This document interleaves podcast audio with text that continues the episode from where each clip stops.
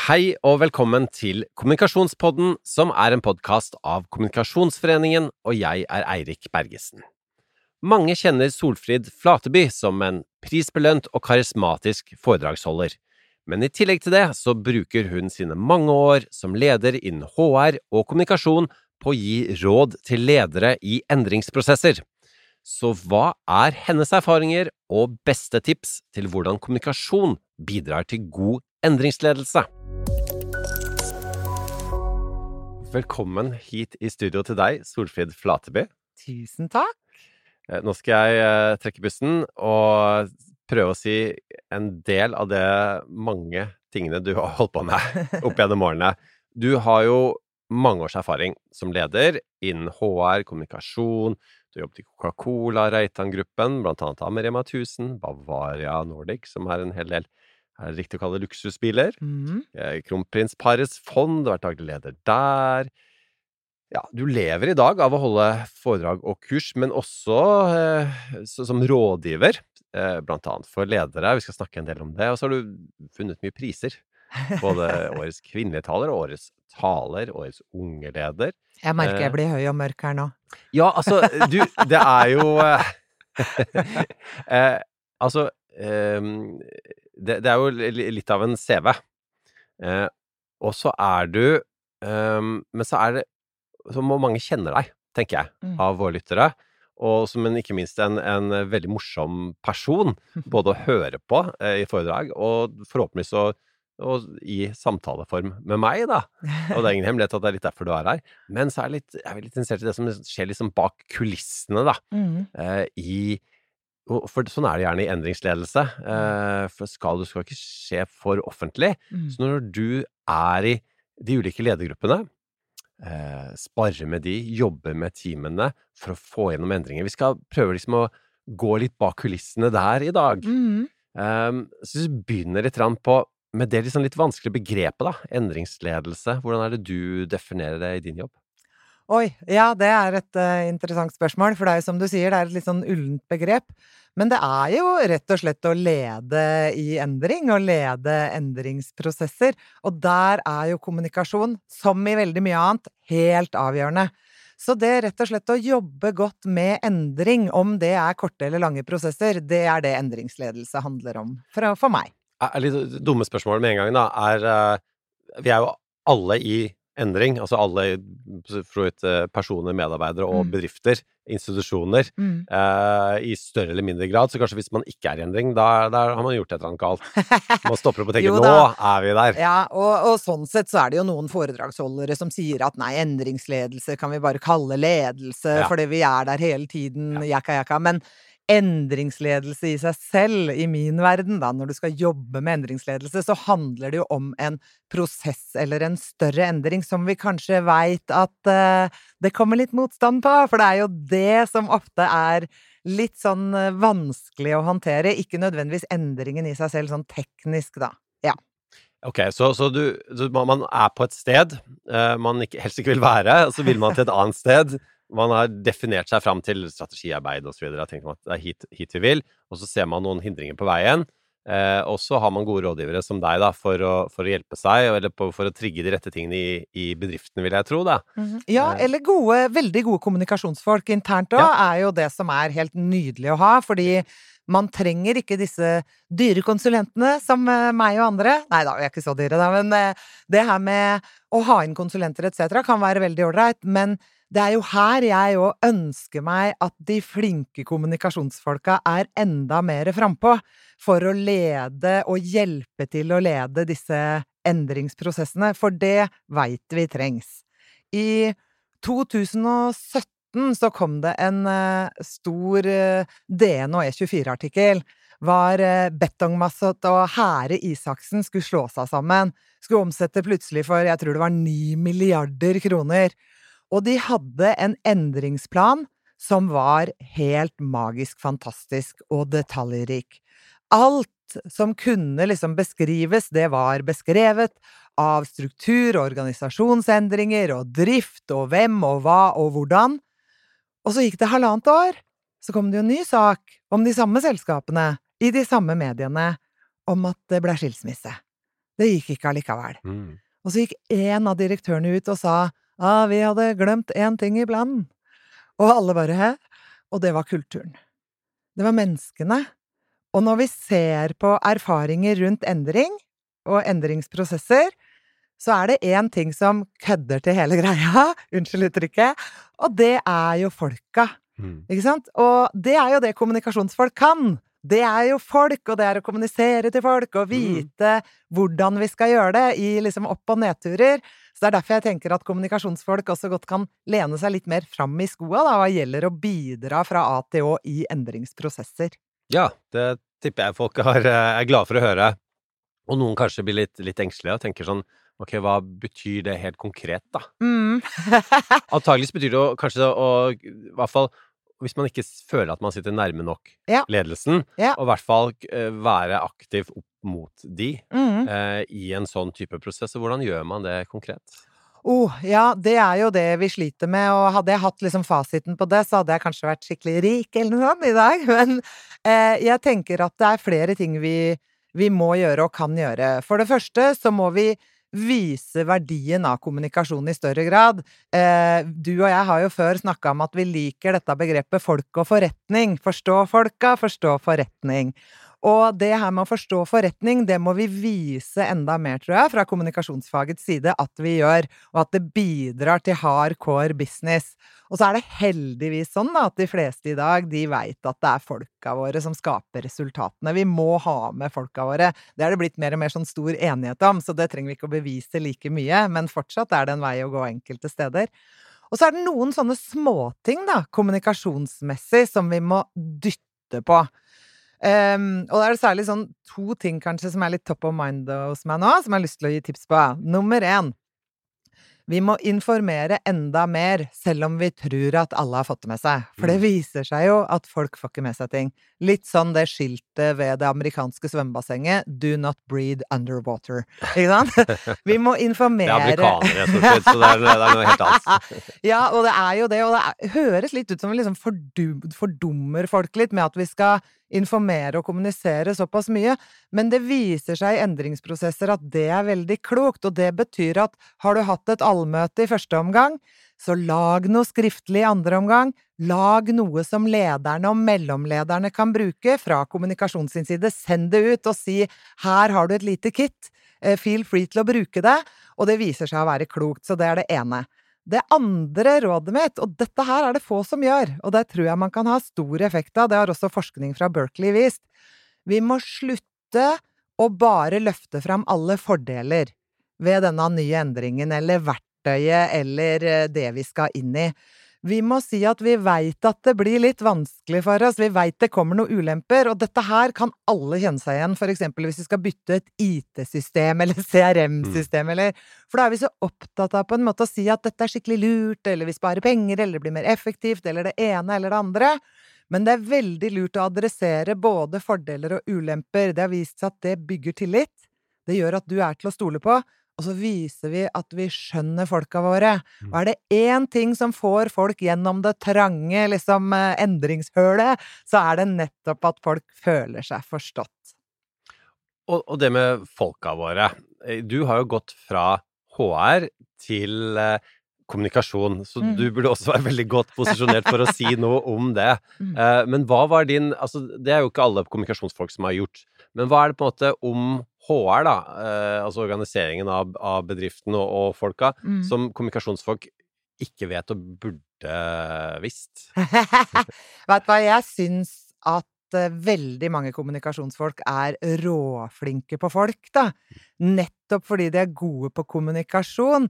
For det er jo det samme internt som vi ofte gjør eksternt, med liksom ulike målgrupper. Hvem er det? Hvordan tenker de? Hvordan føler de? Hvordan vil de reagere? Sant?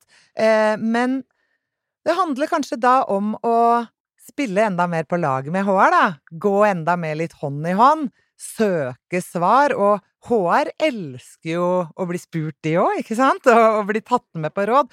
Fordi HR sitter litt i samme båt som kommunikasjon, da. At vi ofte føler oss litt på sida av businessen, eller kan fort føle oss litt på sida av businessen nettopp fordi man ikke genererer direkte inntekter, blant annet. Man er den lærre kostnadsposten, sant? Og som ikke er så synlig bestandig. Mm. Så jeg tror det å gå litt mer hånd i hånd med HR, søke litt råd, spørre HR eh, best av alt. Og så handler det jo om at vi må involvere folka mer, da, vi på kommunikasjon. Veldig mange, sier ikke alle, altså, men veldig mange har en tendens til å tenke ut smarte ting sjæl. Og, og, for å være ærlig, been there, done that veldig mange ganger. Jeg er jo, er En av mine liksom svakheter er jo at jeg er litt høy og mørk etter å liksom fått disse mulighetene, og da tror jeg ofte jeg veit litt best sjæl og sånn. Jeg veit ofte dårligst sjæl, ikke sant? Og det er så viktig at vi tar inn over oss. Det her med å spørre folk hva slags informasjon liker du å få, hva vil du ikke ha, hva vil du ha mer av, hvordan vil du ha det, når vil du ha det, hva funker for deg? Og så er det noen som sier ja, da får du hundre forskjellige svar. Å ja, det gjør du, men så er det antageligvis noen linjer, da, mm. som du kan bruke fra det, og det er ekte involvering. Og så er det sånn, da, og dette viser forskningen også på endring, at hvis folk bare får lov å uttale seg litt, får lov å si litt mm. om hva de tenker og mener, så er det lettere å svelge unna etterpå, selv om endringen ikke nødvendigvis blei helt i tråd med hva du hadde ønska deg. Mm. Uh, vi skal gå, gå, litt tilbake til, til, uh, til, til akkurat den biten der. Jeg drar meg ut! Hva, hva, som, hva som, skjer uh, når, når, endringen har skjedd, og du mm. kanskje til og med er uenig i den. Mm. Men bare litt Jeg har ikke lyst til å miste det, det hele poenget ditt med dette med å kommunisere både fordeler og ulemper. Mm. og hvis man skal generalisere litt grovt her, ja. så i gamle dager, som du ville sagt, Solfrid, så, så, så var kanskje litt sånn kommunikasjonsfaget litt, og så bare nærmest eh, kommunisere det positive, mm. eh, og glatte over, mm. dysse mm. ned, og så videre. Og så er det kanskje ja, man blir flinkere mm. til også å snakke om fordeler og ulemper, for at det er mer uh, realistisk uh, i ørene til både organisasjonen og de som uh, hører på. Mm. Hva, hva, tenker du, hva er, hva er, status der innen kommunikasjonsfaget? Er man, er man blitt flinkere, eller er man liksom sånn Lugger det litt når, når, når man skal gjøre vanskelige endringer, da? I, ja. i, på, i en institusjon eh, overfor offentligheten og får motbør. Ja. At man, enten man er eh, nasjonalmuseet eh, eller man er Vy, at man har bare lyst til å ja, glatte litt over. Ja. Svaret er eh, ja, jeg mener jo fortsatt det lugger litt. Ja. Og så har vi kanskje blitt litt flinkere, men det oppfatter jeg litt sånn situasjonsbetinga også, det, når det er litt mer ufarlig. Og når det gjelder endring konkret, da, inhouse, ikke sant, mm. så handler det om å få oss fortest mulig med og over og i den motiverte fasen. Og da handler det om forståelse og respekt og, og ikke minst selvfølgelig informasjon, men den derre forståelsen og respekten, da, det er jo der vi virkelig må, må klinke til. Og de gangene jeg føler man kanskje legger seg på fordeler og ulemper, så tar man litt ulemper, og så sier man 'men'. Ja. Og så tyter man på. Og det jeg ofte sier når jeg er ute, da, det er ta vent litt. Ikke sant? Når folk kommer med motargumentene, lytt og forstå. Gjenta gjerne hvis du kan også forstå det og være litt enig og si at jeg er enig. Det er eh, noe dritt at vi skal over i dette nye systemet, og akkurat nå, når vi har så stort trøkk samtidig, det blir et helvete, som vi sier i Erskog-Høland. Men skal være litt mer kultivert når jeg er hos deg, det blir utfordrende, sant? Og det er noe av det som jeg tenker at vi at vi kanskje kan vente litt med, i stedet for da å tyte på med de gode argumentene. Bare lytte og forstå, gjenta, og la det bero litt. For det å bli hørt, det veit kommunikasjonsfolk at er roten til veldig mye godt. Mm. Mm. Mm. Og da trenger jeg ikke bli hørt sånn at jeg får rett, men det å bli hørt og forstått, sant, og bli respektert gjennom det, det er avgjørende. Ja. Uh, men dette med endring i seg selv, mm. det syns jo folk er litt vanskelig. Bare at noe blir nytt. Et, et nytt navn, en ny logo, et ny, nye farger på, på eh, fasader osv. Ja. Eh, så det er jo ikke noe som folk der ute liker heller, og da skal man jo forberede offentligheten på at her, her er det noe annerledes. Hvorfor, ja. hvorfor, er, hvorfor, er, dette med endring så vanskelig i seg selv? Nei, det ligger vel i sjela til mange, Ja. da. Men det er jo store forskjeller også. Sant? Det er jo noen som er veldig endringsvillige, og så fort det skjer noe nytt, så er det dritgøy, og yeah, endelig skjer det noe. Men så er det et overveldende flertall, da, hvor det sitter litt lenger inne, sant? Og det har eh, Mange mener jo at det har litt med tryggheten å gjøre. Det kjente, det kjære, det jeg er vant til. Den usikkerheten er det mange som ikke liker, ikke sant? Og endrer vi på ting, så veit vi ikke helt hvordan det blir. Og så er det noen som tenker at etter koronaen er vi blitt mye mer endringsvillige. Eh, vi har i utgangspunktet ikke det. Det er min påstand. Ja. Hvor, hvor, har, har vi endra oss, oss eh, etter koronaen? Vi har jo, vi har vi har jo endra oss, blant annet med bruk av verktøy og hvordan vi kommuniserer, bla, bla, bla. Men det er forskjell på å endre seg når man virkelig skjønner man må, Ja. eller når man tenker at hvis jeg kanskje kjemper litt imot, så kan vi utsette det litt, eller eh, vi må ikke nødvendigvis.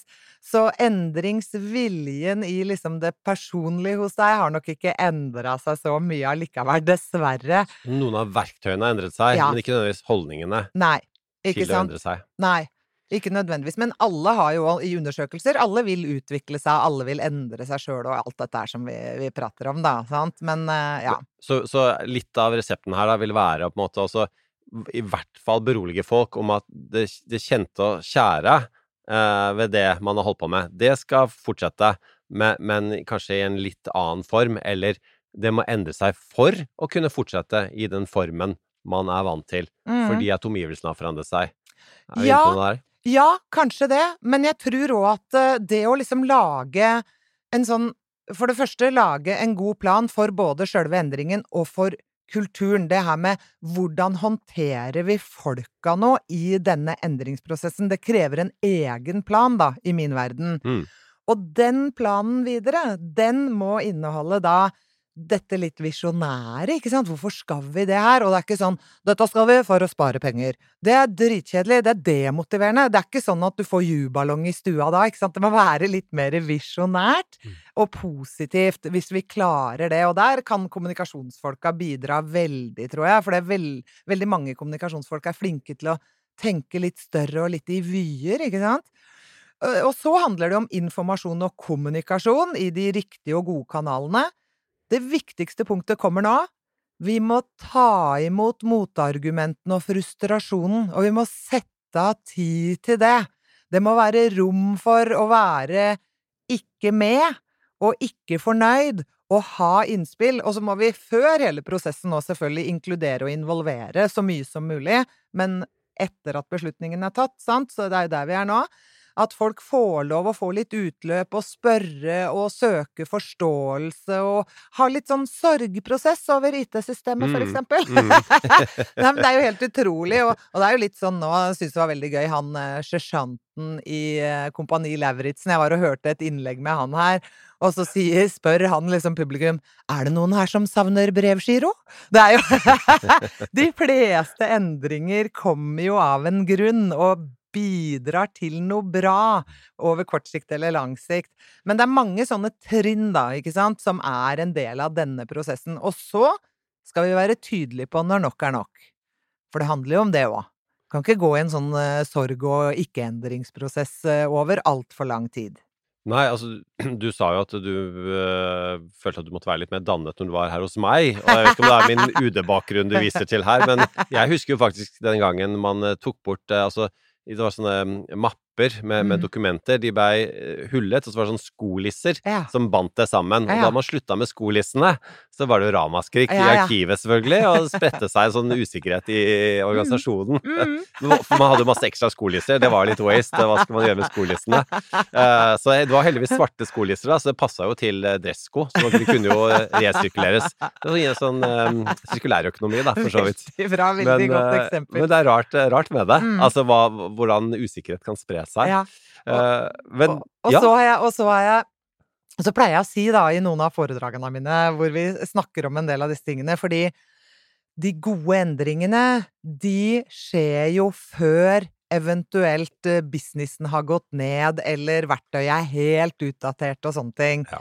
Og da får vi jo ofte mer frustrasjon, for da sitter en haug av oss og liksom sier ja, men hvorfor skal vi dette nå, hvilken idiot i ledergruppe er det som har funnet på dette? Og da pleier jeg å si en del foredrag da, som jeg holder, og kurs, at i mine 25 år da, hvor jeg jobba med så mange forskjellige ledere og ulike medarbeidere, jeg har ikke møtt én eneste en som jeg virkelig tror at drar hjem fredag kveld, setter seg godt til rette foran peisen, heller i et glass vin og sier skål for meg, nå har jeg kødda det til denne uka òg. Altså, de aller fleste gjør jo ting med gode intensjoner. Mm. Og det er innmari viktig å huske på, og trene folka våre på, at endringer gjør vi fordi vi har trua på at det bidrar til noe godt. Og det å jobbe med endringskultur, det bør du jo gjøre når du ikke er i endring, eller de største endringsprosessene. Da har du mulighet til å trene folk litt til å tåle endring bedre.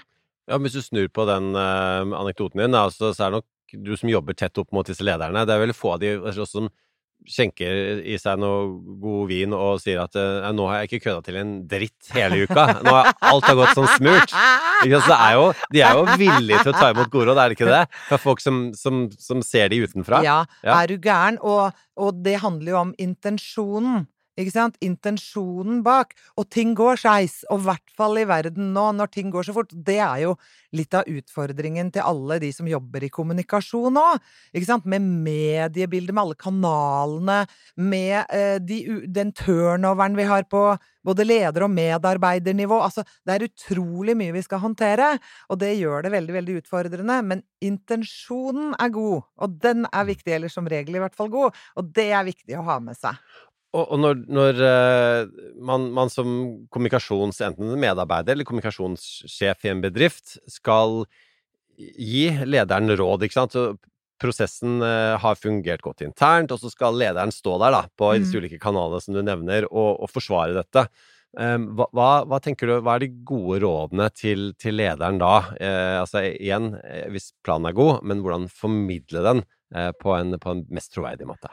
Oh, ja, det er jo Det er et stort spørsmål. Jeg tenker jo da, og dette er logisk eh, for de fleste, og vi veit det, men vi sier det allikevel, sant? Dette er det jeg mener med også å informere om det som egentlig folk veit. Mm. Vi må begrunne det godt. Fortelle om hvorfor. Sant? Men vi skal også løfte det opp, som jeg sa i stad, på the why. Sant? Mm. Se noen YouTube-videoer av Simon Sinek hvis du ikke har gjort det allerede, og se på denne the why, ikke sant? Hva er det som treffer oss litt i hjertet i Jeg kan anbefale de. Ja, ikke sant? Bra. Hva treffer folk i hjertet i tillegg til i hodet? For vi må ha med både hode og hjerte, for det litt sånn motvilje og frykt og holdning etc. sitter jo mye mer i hjertet enn i hodet, og det er jo noen ganger vi syns folk er fullstendig irrasjonelle og i det, ikke sant? Det er jo nettopp fordi hodet ikke er helt, eh, helt der. Så Og folk er jo litt irrasjonelle. Ja. Så at man, man vil si at man er både i et hode og hjerte samtidig. Ja, og sånn er vi nå skapt. Ja, men vi må passe på da, når lederen står der og skal formidle det, at vi snakker til hjertet også. Det er det Ja. mange som glemmer. Vi blir veldig rasjonelle og tekniske, og det må vi hjelpe lederne med. Og så løfte det opp da, som sagt, på the why, og så er det denne fordeler og ulemper. Vi kommer tilbake til den. Og så er det det her med å skape rom for da litt frustrasjon, spørsmål, dette her med hva, hva lurer folk på, og veldig mange eh, spør jo i allmøter. Ja, er det noen spørsmål? Og da er det gjerne liksom en eller to bulldogger i selskapet, da, som liksom kaster seg på. Sorry uttrykket, men det er liksom de samme som tør, og som kanskje er veldig konfronterende. Men vi må jo skape rom for de andre også. Og så handler det jo om at uh, presentasjonen må være grundig og god og motiverende. Og klarer du å legge inn litt humor, så er jo det bra. Men det er litt skummelt òg, da. Hvis det er litt sånn seriøst, og du veit at folk pigger litt ut og sånn, så er det kanskje ikke der du skal være mest morsom. Du må, må spille godt på det der. Da har vi kommet hit i, i poden at vi, vi må Nå må vi prate om humor, eh, Solfrid. Okay. Eh, og ehm, jeg har tendens til å, å slumpe til å bruke humor selv. Ja. uh, så jeg, er jo- jeg er jo glad i det virkemidlet. Mm. Ja, Så vet uh, vi begge at det er ikke alle som er glad i, verken i kommunikasjonsavdelinger eller i kommunikasjonsbyråer, Mm. uh, hvor man ofte har eh, deler ut til kundene sine sånne håndbøker hvor det står sånn herre eh, vær forsiktig med følelser, og hold deg i hvert fall unna humor. Ja. Ikke sant? Åpenbart er det, og grunnen til det er jo at det er vanskelig. Ja. Eh, men så tenker jeg at, eh, at grunnen til at det er likevel verdt å prøve, er at for at eh, potensialet er så stort. Mm. Eh, og hvis det er mye som står på spill, så kan det være at du trenger den eh, ekstra marginen som humor gir. Men gi oss nå da eh, fasiten på hvordan det er det man bruker humor på den rette måten. Ja, eh. Eller hvordan legger man til rette for at man kan i hvert fall gjøre et godt forsøk på det. Ja. Nei, snart er det vel slutt på all bruk av humor, for eh, uansett så kan jo noen bli krenka, ikke sant? Det er jo noe med at vi er liksom inne i den tida hvor alt kan reageres på, etc., så det er jo litt sånn skummelt på, på det punktet òg. Men jeg, jeg skulle ønske jeg hadde fasiten på det òg, jeg, altså. Jeg syns jo det er interessant hvis du tror jeg har det. Det har jo fungert for deg, da. Iallfall. Nå har jeg jo listet opp alle disse prisene dine allerede. Så det, ja, det var det. Nei, du, veit du hva, jeg tenker jo at det er en del sånn grunnleggende, ikke sant, at du skal ikke støte for mye og, og alt det der. Så det, det der kan folk lese om sjøl, ikke sant, hva som er innafor og utafor. Men jeg tenker at det her med humor og humør, det treffer hjertet. Og hvis vi skal treffe, treffe folk, så må vi jo, som vi sa i stad, treffe hodet og hjertet. Og vi liker jo å le. Vi liker å ha det hyggelig sammen. Og det her da med å tørre å bruke litt humor, for meg har det funka veldig, veldig godt. Eh, og så veit ikke jeg om det for noen da blir litt drøyt eller litt useriøst, men det jeg veit, det er at det er jækla mye kjedelige folk der ute. mm. Og det er veldig mange som sitter og ser foredrag, eller er på kurs, eller snakker med kommunikasjonsfolk, som sier at det der var dritkjedelig? Enda det har vært faglig godt. Og det her med å finne ut liksom hvordan skape engasjement, og det er jo gjort mye forskning òg på bruk av humor i foredrag. Det viser seg at det er mer engasjerende, det er mer motiverende, vi hører bedre etter, og så åpner vi døra mer, da, som jeg kaller det. Det her med å bli åpen for å ta til seg og være mottakelig for budskap etc. Men jeg er jo veldig opptatt av at det skal ha faglig relevans. Ikke sant? Du skal ikke Jeg har aldri hatt en vits på en måte i et foredrag eller et kurs som ikke er faglig relevant. Så der har jeg på en måte noen sånne knagger. Men det er med å gjøre ting litt eh, litt ålreit. Og jeg har jo hatt administrerende direktører jeg, som har kommet inn i sånne kjipe endringsprosesser med store omorganiseringer, nedbemanninger etc., og som går inn liksom og sier sånn ikke med et stort smil om munnen, men litt sånn skeiv munnvik, eh, og sier at eh, ja, dette allmøtet har jeg gleda meg skikkelig til. Da er det folk som ler. Mm. Det er folk som ler. Og så, så, så sier administrerende nei, jeg har jo ikke det. Jeg syns dette er vanskelig, jeg Mm. også. Men vi får dette her med liksom Da bjudar man på, det er faktisk litt morsomt. Men det trenger ikke være liksom standup-greie, da. Og det er der mange kanskje tenker at humor i foredrag eller kurs eller i kommunikasjonsfaget, det skal være sånn type hysterisk festlig standup one-linere. Det er ikke det vi snakker om. Det er rett og slett bare å skape litt mer engasjement, gjøre ting litt lettere, da. I koronaperioden hvor det plutselig ble slutt på kurs og foredrag over natta, så tok jeg en stor nedbemanningsprosess. Eh, og Hvor var det? det var da Fjordkraft eh, kjøpte Eidsiva Marked på Hamar. Mm. Ja, Fjordkraft er en stor kunde av meg, har vært i flere år, eh, og lurte på om jeg kunne ta den, eh, deler av den fusjonsprosessen der oppe. Og det er klart at da hadde jeg ganske mange presentasjoner om eh, hvordan dette skulle funke. Jeg brukte ikke mye humor, men det her da med å være varm og nær og forståelsesfull, alt det der. Men i forhold til det å være seg sjøl, da, så kan du jo si liksom ja, men det er en del som ikke har humor, eller ikke liksom er så kjappe i replikken, og desto viktigere å planlegge det litt. Og så er det sånn at veldig mange tror jo at jeg er veldig ekstrovert. Sant? Fordi det er jo en rolle Hvordan som jeg... jeg- tror de det? ja, hvorfor tror de det? Og så er det sånn, ja, men du prater jo kjempemye. Ja, jeg står på scenen og har en time, liksom. Det ville vært litt rært å stå ti minutter eh, uten å si noe. Eh, jeg er ikke introvert, altså, bare så vi, vi forstår det riktig. Men det er jo noe med at jeg også påtar meg en rolle. Du har flere moduser. har jo Og du, flere det handler vel litt om å iscenesette seg selv, Ja. gjør det ikke det? Jo, det gjør det. Og så tror jeg noe av det som gjør at folk tenker at jeg er meg sjøl, er jo fordi jeg prater litt breiere, jeg banner og ljuger og skryter litt. Altså, jeg tør på en måte å leve litt ut uh, da, òg, ikke sant? Fordi jeg tror det gir en ektehet, da. Eh, fordi jeg husker de første åra jeg bodde i Oslo, så la jeg om og snakket eh, litt mer eh, Oslo-målet. Og hadde litt mer E-endinger enn A-endinger, for jeg tenkte at det var det som måtte til for å bli tatt litt mer seriøst. Og det blei jo helt koma. Det er jo ikke meg.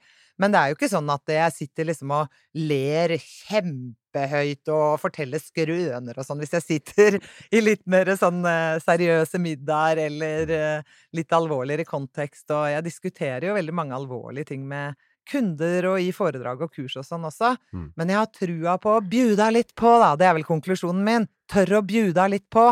Som regel blir det veldig godt mottatt men, men, det som funker for deg, og det funker åpenbart um, Det er ikke gitt at, at det funker for, for, en leder som du, du, gir råd om. Og så er det liksom Kanskje det, den hellige gralen da, i kommunikasjonsfaget er liksom Det er jo bare å være seg sjøl. Og ja. hadde bare vært å være seg selv, eh, så hadde det jo ikke vært en kommunikasjonsbransje, kanskje. Eh, men, men, så er det noen, noen eh, som du er inne på, det er noen metoder, det å planlegge og mm. være presis osv.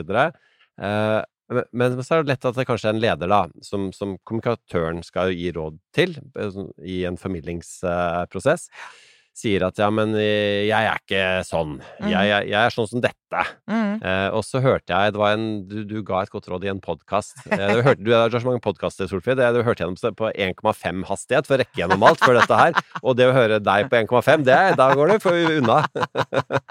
eh, så Um, og i hvert fall kombinert med meg. Jeg håper ingen hører dette på 1,5, for da sliter du. Uh, men uh, altså, som, som, var et eller annet Men da må du slutte å være sånn, og da mm. må du være noe av Være det på en annen måte. Var det noe sånt du sa? Ja, kan ikke du si det på din bedre ja, måte? Da sier du til meg 'sånn er ikke jeg', sier ja, du nå. Sånn er ikke jeg. Sånn var ikke du. det var det, det var der det var. Nei, men det her med at sånn er ikke jeg Jeg har jo trua på at vi kan utvikle oss.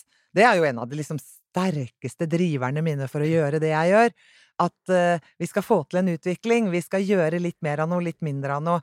Så folk som liksom sier 'sånn er jeg', det er jeg sterk motstander av. Sånn var du ikke, liksom. Nei, du var ikke sånn. Jeg er veldig, veldig opptatt av det, og sånn er jeg med meg sjøl òg. Hele tida tilstrebe å utvikle meg, bli bedre, gjøre ting litt annerledes.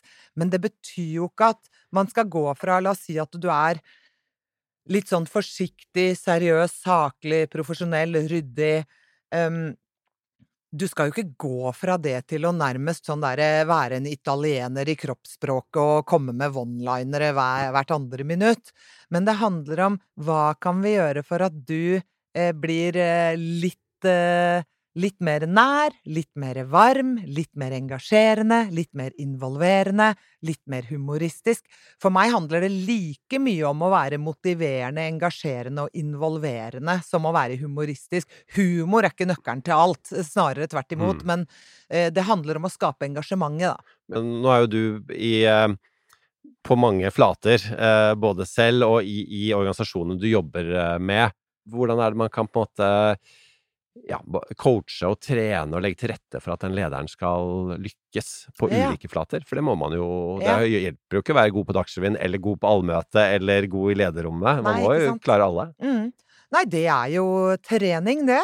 Trening helt konkret. Og noe av det som jeg Det er det mange som ikke vil. Ja, det er mange som ikke vil. For de er for flinke til det. Ja, ikke sant? Ja. Ellers så syns jeg ofte òg, og det overrasker meg, det er mange av de flinkeste som trener mest. Og det er òg spennende, ikke sant? At de mm. vil trene. Ja. Veldig mange av ledere som tar kontakt med meg for å eh, få liksom mentoring på lederskapet sitt. Innmari mange dritflinke, og de som ikke er så gode, da er det lederen dem som ruter dem til meg, liksom. Men, så jeg tror på trening. Og det som jeg har klokketrua på når det gjelder trening, og her trenger man ikke fancy-pansy utstyr og studier og det ene og det andre, ta og filme sånn at folk ser seg sjøl og så sier du 'nå skal du gjøre det her', og det skal du overdrive skikkelig. For eksempel det med å smile litt, da, for de fleste blir jo gravalvorlige, ikke sant, så fort de kommer på en scene, et allmøte eller en skjerm, ikke sant, eller foran en journalist, det der veit vi alt om. Mm. Men da ser du jo, du ser jo nesten surere ut og mer traurig ut enn det du gjør ellers, ikke sant, og de fleste av oss er jo ikke født med sånn naturlig gladtryne. Vi ser jo litt sånn kjipe ut. Eh, så det å liksom filme, men også det her med å filme kanskje måten vi avleverer budskap på, bruke tid på å se, så få én eller to punkter, filme på nytt. Altså, det er den mest sånn effektive treningen ut fra min erfaring, da. Så, så det er vel et Mm. eh, hett tips i så fall. Godt poeng. Det er jo for øvrig eh, Erna Solbergs tips også. Hun Ja. ble jo i sin tid kritisert for å ha det hun selv brukte uttrykket 'resting bitch face'. Ja. Så hun bare smilte mellom hun snakket, altså mens, mens andre snakket. Og så fremsto hun da, ifølge sine egne folk, da, til henne, eh, som mer sympatisk. Ja. Eh, og så hører man jo også at man Jeg fikk et tips en gang. Man hører at man smiler på radio, mm. eller på podkast. Nå tror jeg ikke folk er i tvil om at vi både smiler og ler, eh, Solfrid. Eh, Men eh, du har, kan du også trekke fram noen ledere som du har jobbet med, som du har lært eh, spesielt mye av i de organisasjonene du har vært? Å ja, det er jo mange herlighet. Jeg har hva, jeg har Har du noen så favoritter? Ja, det har jeg. Og jeg har vært så utrolig heldig. Stein Rømmerud, som eh, nå er konserndirektør kommunikasjon i Norgesgruppen, han var jo min første sjef innenfor kommunikasjon i Coca-Cola. Fantastisk på alle måter. Både en god leder, men også det her med at han hadde så lyst til at jeg skulle utvikle meg og bli god. Og hadde en sånn fantastisk balanse mellom å være tydelig og være raus og omsorgsfull. Og det er jo den derre streben alle vi i kommunikasjon og ledere burde liksom pese etter. Vi må være tydelige, vi må gi tilbakemeldinger, vi må stille krav. Samtidig så skal vi gi masse positive tilbakemeldinger, komplimenter, rose, alt det der. Og så var jeg jo så heldig å få jobbe med alle tre Reitans. Eh, jeg må jo si jeg lærte mye der òg. Eh, og så, ikke til forkleinelse for noen, men jeg har kanskje lært enda mer òg av dårlige eksempler, sorry altså, Mm. som av de gode. Eh, men det er jo Stein og, og Reitan som liksom har, eh, har lært meg aller mest, da, for å svare på spørsmålet. Eh, Solfrid, når, når da Hvis man ikke helt lykkes med endringsprosessen sin, den forstand at man har ikke klart å overtale alle Mm. uh, i, på institusjonen sin om at uh, uh, Nå skal det være en callback hele veien til starten, nærmest, for da var du inne på dette her. Um, for nå har du snakka mye om hva som skal til for at det skal funke bra, men når det allikevel Mm. funker dårlig, og du, man merker at her er det noe motstand i Mm. bedriften, eh, men lederen og, og kommunikasjonsavdelingen er enige om at vi er det var riktig å gjøre det på den måten allikevel. Mm.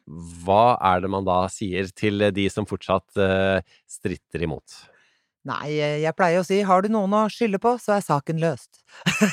Nei da. Eh, jeg tenker at eh, ikke vær så opptatt av å plassere skyld. Eh, det jeg pleier å si sånn seriøst, er jo at det er samme for skylda hvem som har den. Ikke hvis noen skal miste jobben, da er det viktig å plassere skylda. Hvis ikke, liksom drit litt i det. kan være lurt å lære av det, da, hva som gikk feil og sånn, til seinere. Men hva gjør vi nå? Og hvordan håndterer vi disse folka nå? Og det er det jeg var litt inne på tidligere i dag, at eh, det er jo en grense for hvor lenge folk skal kunne sitte liksom og stritte imot. Og da tenker jeg at da får vi over i den der dominante og tydelige, da. Da er det slutt på raus og omsorg. Det har man prøvd. Og det har du prøvd lenge nok, og motivere etc. Så må vi inn og stille krav. Og det i min verden er en rein HR-prosess. I utgangspunktet. Da må vi få hjelp av HR, vi i kommunikasjon. Eh, og da handler det om å si at eh, nå må du over i båten. Du henger fortsatt etter, det bremser oss andre. Nå må du opp i båten, hva skal til? Prøve å komme fram til en enighet. Hvis ikke så sier vi at du skal opp i båten. Det bestemmer jeg. Hvis du ikke setter deg oppi nå, så må vi kjøre en prosess, rett og slett. Mm. Og så følger vi opp. Og så åker folk ut i min verden, altså, hvis man ikke innfinner seg. Men dette er etter en stund, altså. Vi skal være Ja, og så er det noen evalueringsprosesser underveis òg. Man skal stoppe opp og, og se seg litt rundt. Å, ja. Eh, ja. Og du må jo du må ta inn over deg hva du kunne ha gjort bedre, etc. Men jeg forutsetter her at eh, man har tatt en beslutning man står ved, man har gjort en veldig god prosess. De fleste er oppe i båten, men det er noen etterslepere. Og de, eh, de får vi i så fall eh, ta. Men vi er ganske snille sånn jevnt over, da. Og det er ikke nødvendigvis det er roten til alt godt heller. Å være for snill. Ja, det er ikke alltid at det lønner seg å være for grei. Eh, jeg har trua på det tydelige lederskapet. Jeg har det. Hvis du da skal håpe at folk tar med seg ett, eventuelt et halvt tips herfra, hva håper du det er når det gjelder endringsledelse? når det gjelder endringsledelse, så håper jeg man tar med at planen for endringen må inneholde folk og kultur. Hvordan håndterer vi folka våre oppi denne endringen? Og det skal være en like god plan som alt som handler om det strukturelle. Det hadde vært eh, fantastisk. Var, var det ett tips, eller var det et Hvis du tar, legger på et halvt et, da. Hva er det halve? Jeg er veldig nysgjerrig på det halve. Ja, ja, men det får du ikke, for dette er bare lyd, Ah, så da må man betale. Nei, vet du hva, det halve tipset da eh, viser jeg hvordan jeg egentlig ser ut, faktisk. Fordi jeg har som Erna Solberg resting bitch-face sånn helt naturlig. Nå gjør jeg det til deg. Jeg ser Oi, jo Ja. Jeg ser regelrett sur ut hvis jeg ikke, men ikke smiler lite grann. Um, men jeg har jo trent på det, det er blitt en vane, og det er det som er fint, da. Når ting oppleves litt sånn kleint, da. Det er jo alle endringer. Oppleves jo litt sånn uvant og annerledes og kleint og Men hvis vi trener, så blir det en vane, og så trenger vi ikke å tenke på det lenger. Og det er liksom hele greia. Så jeg gir bort alle tipsa mine her, som du hører. Jeg sparer ingenting. Men eh, jeg får håpe det ikke gjør at jeg er helt ute av markedet allikevel. Tusen takk, eh, Solfrid, for at du risikerte å havne helt utafor markedet ved å være så åpen om uh, dine tips om endringsledelse. Tusen takk for at du var med oss her i dag. I like måte. Takk også til deg som hører på. Mitt navn er Erik Bergesen. I redaksjonen har jeg med meg Håkon Skaftå, Malin Sundby Revå og redaktør Margrete Sakko Horde. Vi høres igjen om tre uker. Du har hørt en podkast fra Kommunikasjonsforeningen. Les mer om oss på kommunikasjon.no.